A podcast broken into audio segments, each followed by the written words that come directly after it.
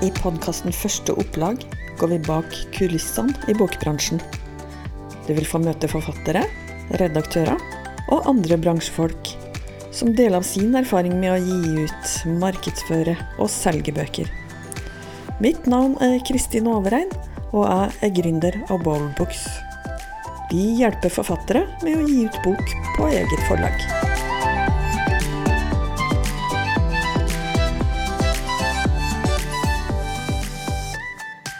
Hittil så har vi snakka mest om eh, tekst i forbindelse med bøker, men veldig mange bøker inneholder jo andre elementer enn tekst.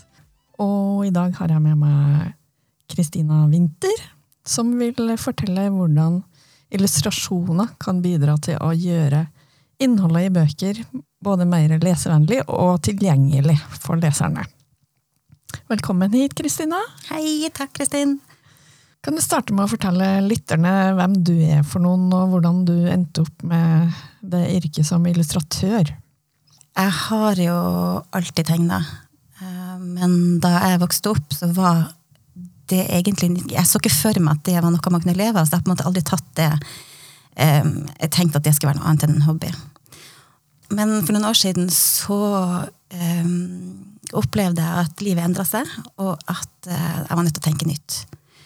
Jeg var alene med tre barn, og så tenkte jeg at ok, det her det, er en mulighet til å um, En litt sånn restart, rett og slett. Og da starta jeg på utdanning som illustratør. Og da hadde jeg fra før av eh, studert pedagogikk og illustrasjon og teatervitenskap. Jeg Var inne på den, den linja. Og da jeg hadde tatt den utdanninga, så jobba jeg bare frilans i ett år. Ja. Og da var det litt sånn. Da tok jeg alt av oppdrag som går an å få.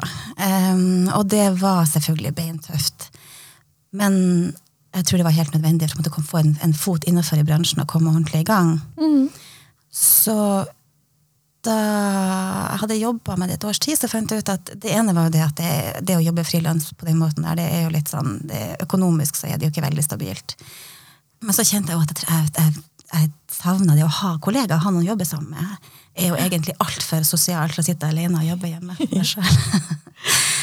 så da begynte jeg å jobbe deltid eh, i en barnehage, og der jobber jeg nå som pedagogisk leder på dispensasjon, i tillegg til illustrasjon. Mm. Og det er nok eh, Det er jo liksom gjennomgående at det jeg jobber mye med, det er barn. Det er barns hverdag, og det er barns tankeverden. Jeg jobber naturlig nok mye med barnebøker, men også med psykisk helse, som engasjerer meg veldig. Jeg har hatt noen spennende prosjekter med fødsel. Nå jobber jeg med eh, svangerskapsdepresjon. Oi, ja. Så, så, det er nok en sånn rød tråd, det her med, med psykisk helse, barn og, og undervisning. Mm. Når man skal høre på et lydopptak om noen som snakker om illustrasjon, eh, hvordan kan vi gi folk litt bilde av i hodet av hvordan streken din er? Går det an å forklare den med ord? Hva, hva er det som er spesielt med måten du tegner på? Jeg har nok det man vil eh, betegne som en veldig sånn leken strek. Ja. Um, og den um, Jeg bruker mye farger. Um, og jeg bruker uh, akvarell, altså håndtegna. Nå så er det vel mange som altså det, er, det, er, veldig mye digitalt, og det er utrolig mye bra digitalt. Og man, man, veldig mye av det som lages nå, kan man ikke se om det er håndtegna eller digitalt. Men eh, men jeg er veldig glad i den måten å jobbe på. Det er bare, både pga. uttrykket, som jeg er veldig glad i, men det er også selve prosessen med det å sitte med penn og papir og pensel. Ja. Sånn at uh, det er, litt sånn, litt sånn egoistisk prosjekt. du har rett og slett uh, gjort hobbyen din om til virksomhet? Da. Ja, det kan du virkelig si. Mm. Mm. Hvordan er det når du får et oppdrag? Det tenker jeg mange forfattere lurer på. Hvordan, man, hvordan, er prosessen med samarbeidet med en illustratør? Hvor ja, Vi kan ta det helt tilbake til når i prosessen er det lurest å kontakte en illustratør? Skal du ha skrevet ferdig hele manuset, eller skal du bare ha en idé, eller ja? Det kommer litt an på om det er en ren bildebok du lager, eller om det er en illustrert bok, altså en, en tekstbok med, med illustrasjoner. Er det en ren bildebok, så vil jeg absolutt anbefale at du, er, at du jobber sammen med illustratøren helt fra starten av. Um, er det en bok som skal ha illustrasjoner utover teksten, så vil jeg kanskje anbefale at selve samarbeidet starter når du har ganske mye av teksten klar. Um, samtidig så er det å finne en illustratør, å finne en som passer til deg, å finne en som passer til streken, og en som har den stilen og den arbeidsmåten som, som du vil ha, um, det kan være en lang prosess. sånn at det er vel ikke noe entydig svar. Men altså, start kanskje prosessen med å finne illustratøren din så tidlig som mulig. Og så vil jo selve samarbeidet da starte litt senere, litt avhengig av, av hvor omfattende illustrasjonsbiten er. Det er jo et poeng, og kanskje spesielt hvis, er, eh, hvis det er første gang man gjør det her, så er det noe med at arbeidsmetoden er litt annerledes når du skal ha en illustrert bok. Altså, altså, arbeidsmetoden for forfatteren? Ja, mm, ja. Hvordan du skriver teksten, rett og slett. Fordi Um, normalt sett når du skriver en tekst, og jeg jobber med forfattere som har skrevet tekster, altså skrevet bøker tidligere, men hvor det her er første gangen de skriver billedbok, og da er de kjempegode på å um, altså tegne bilder ikke sant, med tekst, og det er det man gjør, det er det som er måte hele jobben. Når du skal ha en illustrasjon i tillegg, så handler det litt om å unngå den smør på flesk-situasjonen. Sånn at hvis du um, skal beskrive si et objekt i teksten, så er det eh, Det har på en måte ikke så mye for seg at du først skal bruke mye tid og mye tekst på å beskrive sitt, det, det objektet, og så skal jeg i tillegg tegne det etterpå. Ja, sant. Ja. Sånn at da må du heller eh, tenke at med mindre disse beskrivelsene er veldig viktige for rytmen og for teksten din, så tenk om du kan droppe det. Og så kan du heller ha det som et sidenotat som du gir til illustratøren og si at jeg vil veldig gjerne at denne personen skal se sånn og sånn ut, og han skal, være, han skal ha de og de egenskapene kan du få han i livet. Mm. Vel så mye som det jeg gjør med teksten min. Mm. Og det kan jo gjelde eh, eh, hva skal jeg si, døde objekter, men det kan i høyeste grad gjelde personen. Mm. Og så er det en annen ting det at hvis du hvis du ønsker å beskrive veldig tydelig hvordan en person skal se ut, da er det litt det samme. Gå tilbake og tenk er det helt strengt tatt nødvendig. Fordi um, hvordan personen er kledd, og hvordan håret og hvordan farger er, har sammenheng med det som det hele det visuelle bildet. Og det handler, med, det handler om, om um, fargesammensetning, og det handler om stor versus liten, alle de kontrastene som man ønsker å få frem i en illustrasjon. Mm. Sånn at hvis du ikke har en veldig sterk formening om at akkurat sånn må det være, så se om du kan gå et steg tilbake og si kan jeg overlate dette til illustratøren. Eller at vi gjør det i samarbeid. Ja, man må rett og slett stole på at illustratøren eh, kan ta gode valg. Mm. Eh, ja, det må man. Selvfølgelig. altså det her er jo, Når man snakker om bildebøker eller illustrerte bøker, så er det jo, illustrerte bøker, så er det jo eh, det er et samarbeid. Absolutt. Mm. Det, og det samarbeidet starter jo på en måte øyeblikket illustratøren er med i prosessen, og da jobber man sammen om det. Og, og jeg tenker som så at når det er illustrert bok, så er det som forfatter til ditt prosjekt. Det er mm. din baby. Mm. Jeg er ansatt, jeg hyrer inn for å, for å, bringe din visjon til livet. Mm. Det, er ikke, det, er ikke, min kunstneriske visjon som skal frem her. Det er jo, jeg er ansatt på samme måte nesten som du ville ansatt en, en rørlegger eller en elektriker. Altså, jeg gjør et håndverk ja. for deg. Ja. Og så har jeg eh, teknikker og ting jeg kan gjøre for å høyne nivået. Men det er jo til syvende og sist din visjon som skal frem. Mm. Og det er det viktigste å få med seg.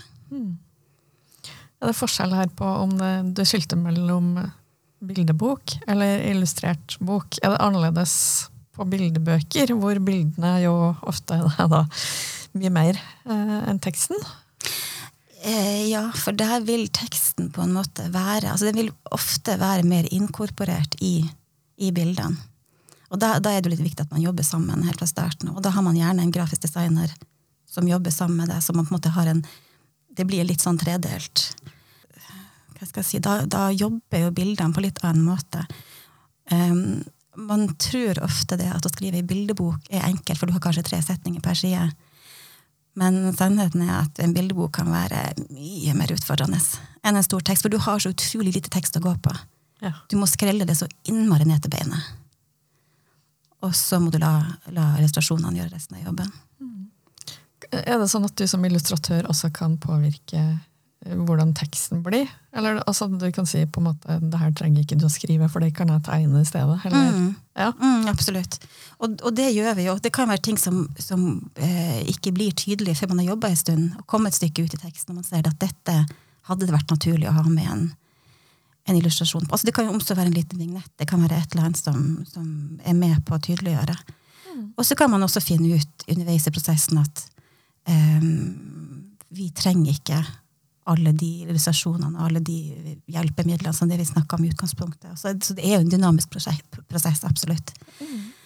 Men det vi, det vi, gjør gjerne i starten, er det at øh, når jeg har fått manuset, så lager jeg et storyboard basert på hvor mange illustrasjoner forfatteren ønsker, og det har gjerne med pris å gjøre. Ja. Um, for dette er jo ikke billig. Nei, det er det vel ikke, nei. Ja, det er kanskje det som overrasker flest, hva det faktisk koster. Det er en liten sånn kalddusj. Så man må ha med, altså på samme måte som man må tenke at det her koster penger i form av redaktører, i form av språkvask. Illustrasjonene koster. Ja, det er klart. Det er mange teams jobb som ligger bak. Mm. Hvordan er prosessen i starten? Eh, Er det sånn at du lager noen forskjellige alternative skisser, kanskje? Eller? Ja, altså ehm, Når du skal finne en illustratør altså Det i seg sjøl er jo en ganske sånn omfattende prosess. Og dessverre så er det sånn at i Norge så jobber vi alle sammen litt for oss sjøl. Vi er frilansere. De aller færreste av oss er tilknytta agenter. Ehm, for det er ikke så vanlig i Norge ennå. Sånn at markedet er litt uoversiktlig. Um, og dessverre så er det ikke alt som er like seriøst. Da tenker jeg ikke først og fremst på Norge, men det finnes jo sider hvor man kan gå og finne illustratører utenlands, og hvor eh, de underbyr hverandre. Og da tenker jeg at hvis du ser at her er det snakk om en timepris som ikke er til å leve av, så er det sannsynlig at kvaliteten er deretter. Um, det er masse sånne skrekkhistorier om illustratører som får manuset, som begynner, og så blir de borte, og du hører ikke mer fra dem.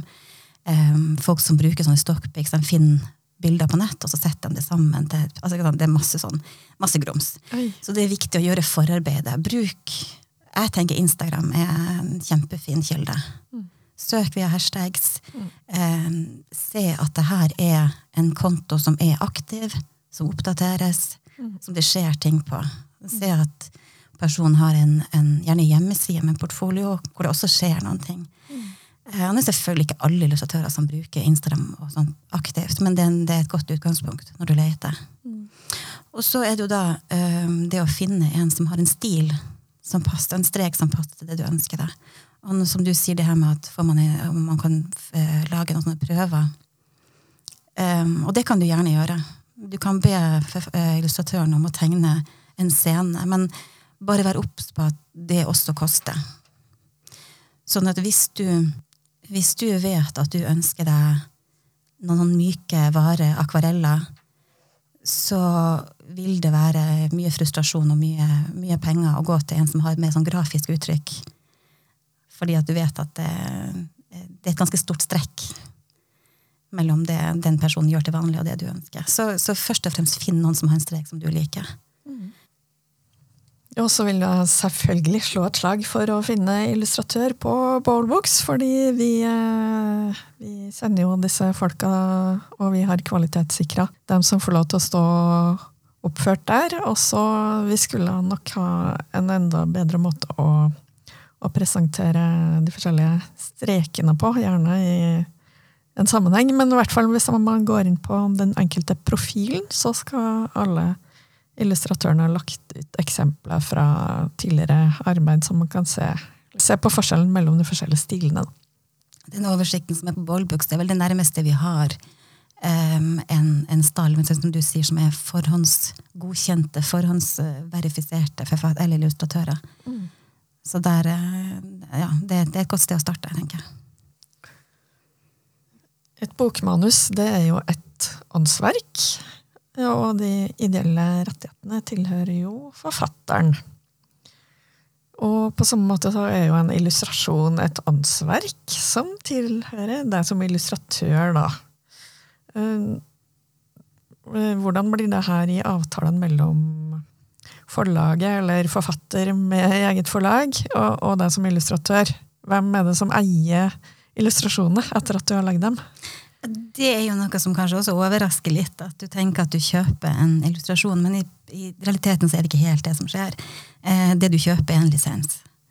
Du kjøper en lisens til å bruke illustrasjonene i eh, gitt tidsrom, på en gitt flate og i ditt omfang.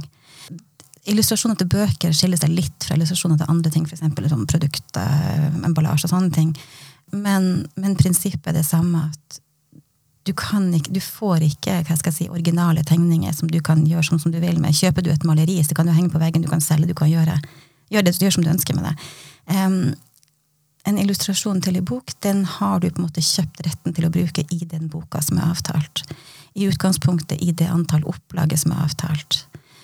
Og hvis du gjør det bra, og du har lyst til å lage produkter, du har lyst til å gjøre eventer, og sånn, så må du tilbake til illustratøren, og så må du avtale en ny lisens for det. Altså man betaler, avtaler eh, ny bruk og, og, betaling for det.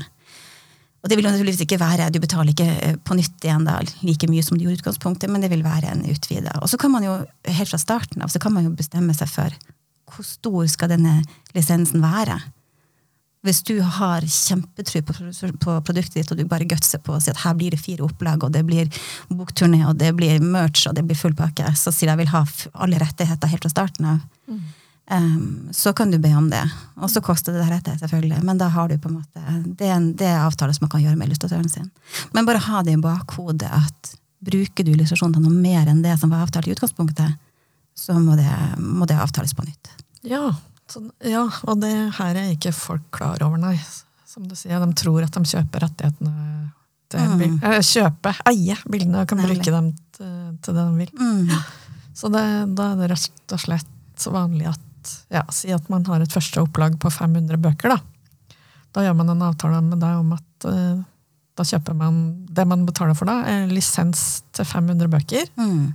Og så hvis det blir flere opplag, så må gjøre en ny avtale mm. og, og, en ny pris. Ja. Som er litt lavere enn den første. da. Som er litt lavere, ja. ja. ja. Og også hvis at det her tar helt av og blir merch, som du sier. Det, det hadde blitt kult. Ja, Det må vi ta sikte på. ja, vi må ta sikte på det. Så blir det også en egen avtale for ja. bruk av illustrasjoner på um, alle mulige ting som man kan trykke dem på. Da. Mm. Mm. mm. Ja, hun, et eksempel. Hun, hun, eh, JK Rowling, som har skrevet Harry Potter-bøkene, mm. hun var jo beintøff fra starten og nekta å selge Eh, hun ville ikke gjøre bøkene om til film, nettopp fordi at i det så ligger det en avtale om at det seg alle rettighetene til merchene, som jo har blitt et kjempemarked. Så det ene med å ha tunga litt rett i munnen for sin egen del også som forfatter. Hva, hvor, hvor, er veien videre? Hva skal man, altså, det er ikke sikkert man blir den neste Harry Potter, men at, at uh, prosjektet kan bli større enn det man kanskje tenkte i utgangspunktet, det skal man jo ta litt høyde for. Mm. Og nå snakker du jo om rettighetene som forfatteren har, mm. som jo er veldig viktig. Og mm. for mange den viktigste grunnen til at de ut, velger å gi ut boka si selv. Da. Nettopp det å beholde rettighetene. Så, mm. så det med rettigheter til åndsverk, eh, og hvordan man kan best utnytte disse rettighetene, det tror jeg vi må ha eh, en egen episode om, rett og slett. For det, det, her er veldig eh, ja, et landskap som er lite kjent, men eh, desto viktigere å, å formidle kunnskap om. Ja, det er gjerne sånn at når man driver med, med, med egne prosjekter, med, man jobber med sine egne talenter, skal si, så kan man nesten havne litt, eller man kan fort havne i den fella at man tenker at å, bare noen vil lese det jeg lager, eller noen vil se på det jeg gjør, så er jeg fornøyd. Men, men det kan lønne seg å tenke litt større enn det allerede fra starten av. Mm. Du nevnte jo tidligere at noen ganger så er det et samspill mellom tre personer. Det er deg som illustratør, det er forfatteren, men også ombrekkeren. Mm. Og uh, i episoden som jeg lagde med, med Ida Nygaard, som jobber som ombrekker, så nevnte jo hun ditt navn, faktisk. I forbindelse med en av de bøkene som hun hadde syntes var morsomt å jobbe med. Og det var den boka, barneboka som heter 'Nils og nabokjøterne'. Mm, Hege Bjerkelien som har. Mm. Ja, Hege Bjerkelien, mm. som også har blitt innkjøpt av Kulturrådet. Mm, ja, vel. Mm. Eh, så, så, du må ha din, din del av æra for det. Men eh, det hadde vært gøy å høre litt fra ditt synspunkt. Hvordan var det å jobbe med den boka, som et eksempel? eh, Hege Bjerkelien er jo altså Hun er jo en sånn drømme, drømmekunde. Um, hun har en fantastisk, altså et fantastisk engasjement for det å jobbe for. Og det er klart at det kommer til uttrykk i boka. Det engasjementet som hun har, som er så, så ærlig. Og da, da, var det litt sånn at vi gikk frem og tilbake. Hun fikk jo da det storyboardet med. Og så, øh, så jobba vi med skissene ut fra det. Og, og der det var jo litt det samme som vi har snakka om før, det her med at det er enkelte endringer i teksten som kan være fornuftig å gjøre i forhold til det at det faktisk er illustrert. Og hun var jo superkjapp og heiv seg rundt på et øyeblikk og, og gjorde de endringene, og det ble kjempebra. Og så jobba hun da sammen med Ida. Eh, det her er jo ei bok som, hvor illustrasjonene på en måte er en del av teksten. Altså de, du har ikke ett oppslag, du har en, en, illustrasjon som strekker seg oppover ei side, eller opp langs teksten på sida. Og der var jo Ida superflink, um, og fikk det til å funke så godt med teksten. Så denne boka er veldig, altså har veldig høyt grad av, av, lesbarhet for barn som kanskje i utgangspunktet ikke er så hard på lesing, og som syns at det er tungt med mye tekst, og som kan bli litt sånn avskrekka. Fordi at det blir veldig noen inviterende når du får disse illustrasjonene som strekker seg utover. Så um, jeg jobba videre både med Ida og med Hege etterpå. og um, eh, Vi har hatt, hatt, mye, eller hatt, hatt, fine prosjekter sammen. Godt samarbeid. Og der er jo eh, Hege, eh, Hege, var jo helt ny på, når det gjaldt det med, med barnebøker, da vi starta med det. Um, jeg hadde gjort det litt fra før. Ida hadde erfaring. Um, og det er jo et poeng at hvis du er helt ny som bildebokforfatter, så vil jeg på det sterkeste anbefale at du, at du jobber sammen med noen som er erfaren. Mm. Eller så havner du fort i en sånn situasjon hvor din blinde leder den halter, og det, resultatet blir ofte deretter. Men, eh, men, men, jobb med noen som kan det, og som kan måtte, lede deg videre på veien. Og så kan det jo eventuelt koste på deg å finne en litt mer sånn nyoppdaga ju, juvel seinere, når du sjøl har mer erfaring og kan styre prosessen mer sjøl. Mm. Men i utgangspunktet så vil jeg anbefale å bruke gode folk, og det, det finner man på Ballbooks. Du jobber jo mye med barnebøker, og da vil jeg tro at det er jo en kjempefordel at du er pedagog og jobber i barnehage. Du må jo sikkert ha lest veldig mange bøker for barn, og egne barn også. Du hadde tre stykk. Mm. Sånn at uh, da, da, har du veldig innsikt i hvordan barn opplever bøker, vil jeg tro. Eh, ja, det har jeg. Og så har jeg vel en del innsikt i hva jeg sjøl oppfatter som Eller jeg ser hva som treffer, og hva som ikke treffer. Og jeg har vel også en, en ganske klar formening om hva jeg ønsker å uttrykke gjennom de bøkene. Det er klart at eh, Manuset er jo som regel gitt, men, eh, men jeg jobber f.eks. mye med at vi skal få eh, At det skal være mangfold i bøkene. At det skal være eh, blotta for eh, stereotyper og klisjeer. At det skal, være, det skal vise mangfoldet av eh, familiesammensetninger, av, av eh, kulturelle sammensetninger og en del sånne ting. Som ikke nødvendigvis er eksplisitt i teksten, men som jeg da får mulighet til å legge inn. Og når man, når man skriver en tekst, så er det veldig lett, det er veldig eh, fristende å gå til stereotyper. Og der har, vi, der har jeg gått runder med forfatteren og sagt du, skal vi, skal vi ta bort det skjegget? Skal vi endre navnet? Skal vi passe på at han ikke er den figuren fra TV som du tenker på nå? Ja, ja. Um, så ja. Så, og, så, akkurat det med mangfold er kanskje noe som jeg, som jeg brenner for, og som, som, kommer til uttrykk i illustrasjonene. Litt uavhengig av hva, hva, hva boka handler om, egentlig. Mm.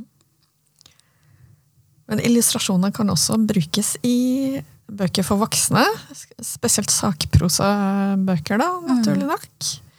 Har du noen eksempler på sånne type bøker som du har bidratt på? Um, ja, jeg har jobba med, altså, med faglitteratur som du kanskje ikke i utgangspunktet tenker det er naturlig med litt sånne som jeg sier, sånn lekne, morsomme, fargerike illustrasjoner. Men eh, jeg har jobba med statistikk. Mm. Um, med spørreskjema. Med vold i nære relasjoner. Um, og jeg har jobba med um, fødsel, svangerskap. Og nå jobber jeg med svangerskapsdepresjon. Og det høres jo veldig sånn hva skal jeg si, teknisk og, litt tungt ut, men det disse illustrasjonene gjør, nettopp fordi at de er litt leken, det er ikke en sånn naturalistisk stil, det er jo det at um, det kan løfte Det er en ting at det løfter lesbarheten på tungt stoff, men det kan også lette stemninga litt. Ja. Um, når man snakker om, snakker om vold, eksempel, eller man snakker om tunge depresjoner, så er det noe med å, å ha en følsomhet for temaet og vite hvor langt Hvor mye kan man tulle med det? Hvor, kan man, hvor, hvor humoristisk kan det se ut uten at det blir latterliggjøring? Ja. Og, og det jeg på en måte prøver på, det å treffe på Hvis jeg skal, um, jeg skal illustrere um, en, altså angst i forhold til si, en, en, pappa som har angst i forhold til barnet sitt, sant, som er livredd for hva som kan skje. Som jo er en ganske sånn reell følelse. Um, og det er jo ganske såre følelser, egentlig. Men hvor, uh, hvor, langt kan jeg dra den tegninga av den pappaen som går til alle mulige uh, Som tar alle mulige forhåndsregler for å, for å holde barnet sitt trygt i en helt, helt ordinær, trygg situasjon. Og hvor han sjøl vil kunne trekke på smilebåndet og tenke at jo, sånn er det faktisk. Og det, det er jo kanskje det som har med, med psykisk helse å at, At skal du jobbe med sånne ting, så er det en fordel at du har um, du har litt uh, kompetanse på feltet, rett og slett. Mm. Og derfor er det jo tilbake til det med å finne den riktige illustratøren. Finn noen som jobber med det temaet som du jobber med. For det er noe med at du skal, du skal ikke bare kunne tegne på oppfordring, men du skal forstå temaet også. Mm. Så du har gjort flere prosjekter som er helserelatert. Kan du nevne noen flere av de? Eh, ja, nå har jeg jo eh, Jeg jobber jo en del både si, med barn, men også når det gjelder illustrasjon, med det som går på psykisk helse og på seksuell helse. Og jeg har jo som sagt da tre barn som nå er tenåringer. Eh, og i en periode så jobber jeg med å lage den nye tissen til eh, RFSU. Det nye kostymet deres. Den Fordi nye, den gamle Vent litt. Den nye, den nye tissen til RFSU? RFSU har Finnes nye tiss? De, de, måtte ha en ny tiss. Den gamle var sliten, hadde holdt på vært i mange parader. hadde gått langt. Så de måtte ha en ny. Herlig, ja. Eh, så da fikk jeg jo eh, oppdrag fra dem. Um, det jeg gjør da, i og med at jeg har hjemmekontor, det er jo det at når jeg jobber med skisse, så eh, så henger de skissene utover hele veggen min. Ja. Eh, på arbeidsplassen min. Som jo da er hjemme til barna mine. Ja. Eh, så min tiåring han, eh, han, hadde, han, hadde, han hadde full peiling. Han, han, var da ti år. Han har full oversikt av anatomien, både til menn og kvinner. Og jeg tror han vet mer om, om, om kvinners anatomi enn det de fleste kvinner på min alder. og, og søke historie altså, Jeg må jo drive med research. Så når jeg da skal lage en, en skal sy en penis, eller jeg skal eller jeg skal eh, beskrive hele forløpet fra et egg blir befrukta til barnet blir født, så må jeg drive med en del research. Og det er klart at søkehistorikken min på Google den ser ikke helt grei ut alltid. Men det er en del av det. Men mine barn har et veldig naturlig forhold til kropp. da. Mm. Det kan man si. Ja, det er det. Jeg vil tenke meg Google blir flittig brukt for å ja, finne hvordan ting ser ut. Mm. Ikke bare kroppsdeler, men andre ting som du får beskjed om å tegne også. Mm. Mm. Og, og, Pinterest. Det er jo liksom, ja. Eh, når det gjelder bildesøk, så er kanskje Pinterest det jeg bruker enda mer. Mm. Men der igjen, eh, når man skal Tilbake til det med å finne illustratøren. Jeg tenker at det er, så, det er så stort tema, på en måte, for det er så, det er så omfattende. Men man kan finne illustratører utenom Norge, utenfor Norge. Um, men da kommer det litt an på hvilket tema du skriver om. For har du en veldig tydelig sånn stedskoloritt eller en, en, kulturell forankring i boka di, så er det kanskje en fordel at det er noen som kjenner til det som tegner. At det er ikke så lett for en person fra Sri Lanka eller, eller Chile å få tak i det du faktisk skriver om. Så man, det er også en ting å ha i bakhodet.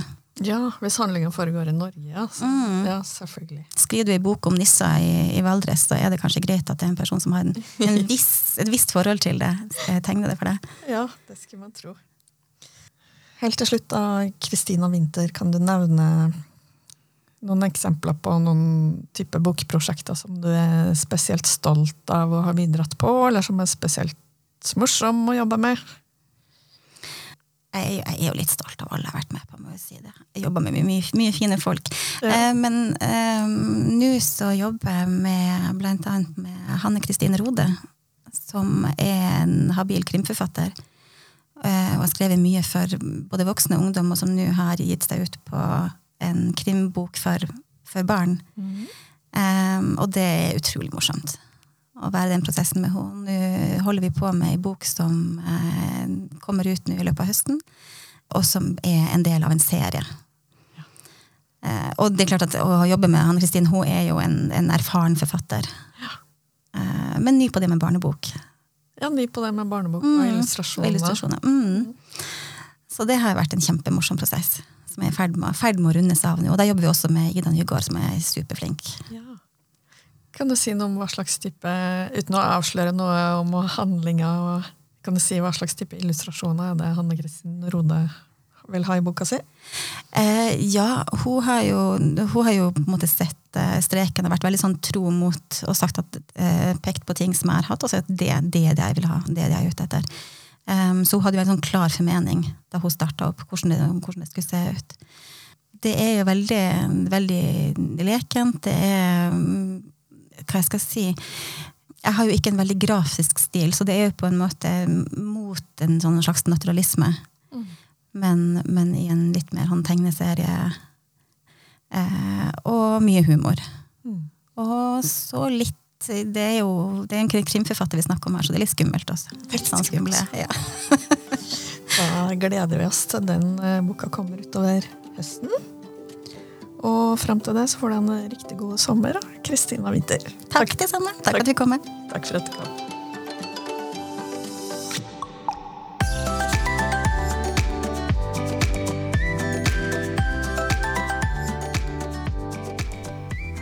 Du har hørt en episode av Første opplag, en podkast produsert av Boldbooks. På boldbooks.com kan forfattere få direkte tilgang til eksperter i alle deler av bokprosjektet. Alt fra redaktør og korrektur til bokdesign og trykking. Forfatteren investerer i kvalitet og beholder full kontroll og alle rettigheter og inntekter av sin egen bok.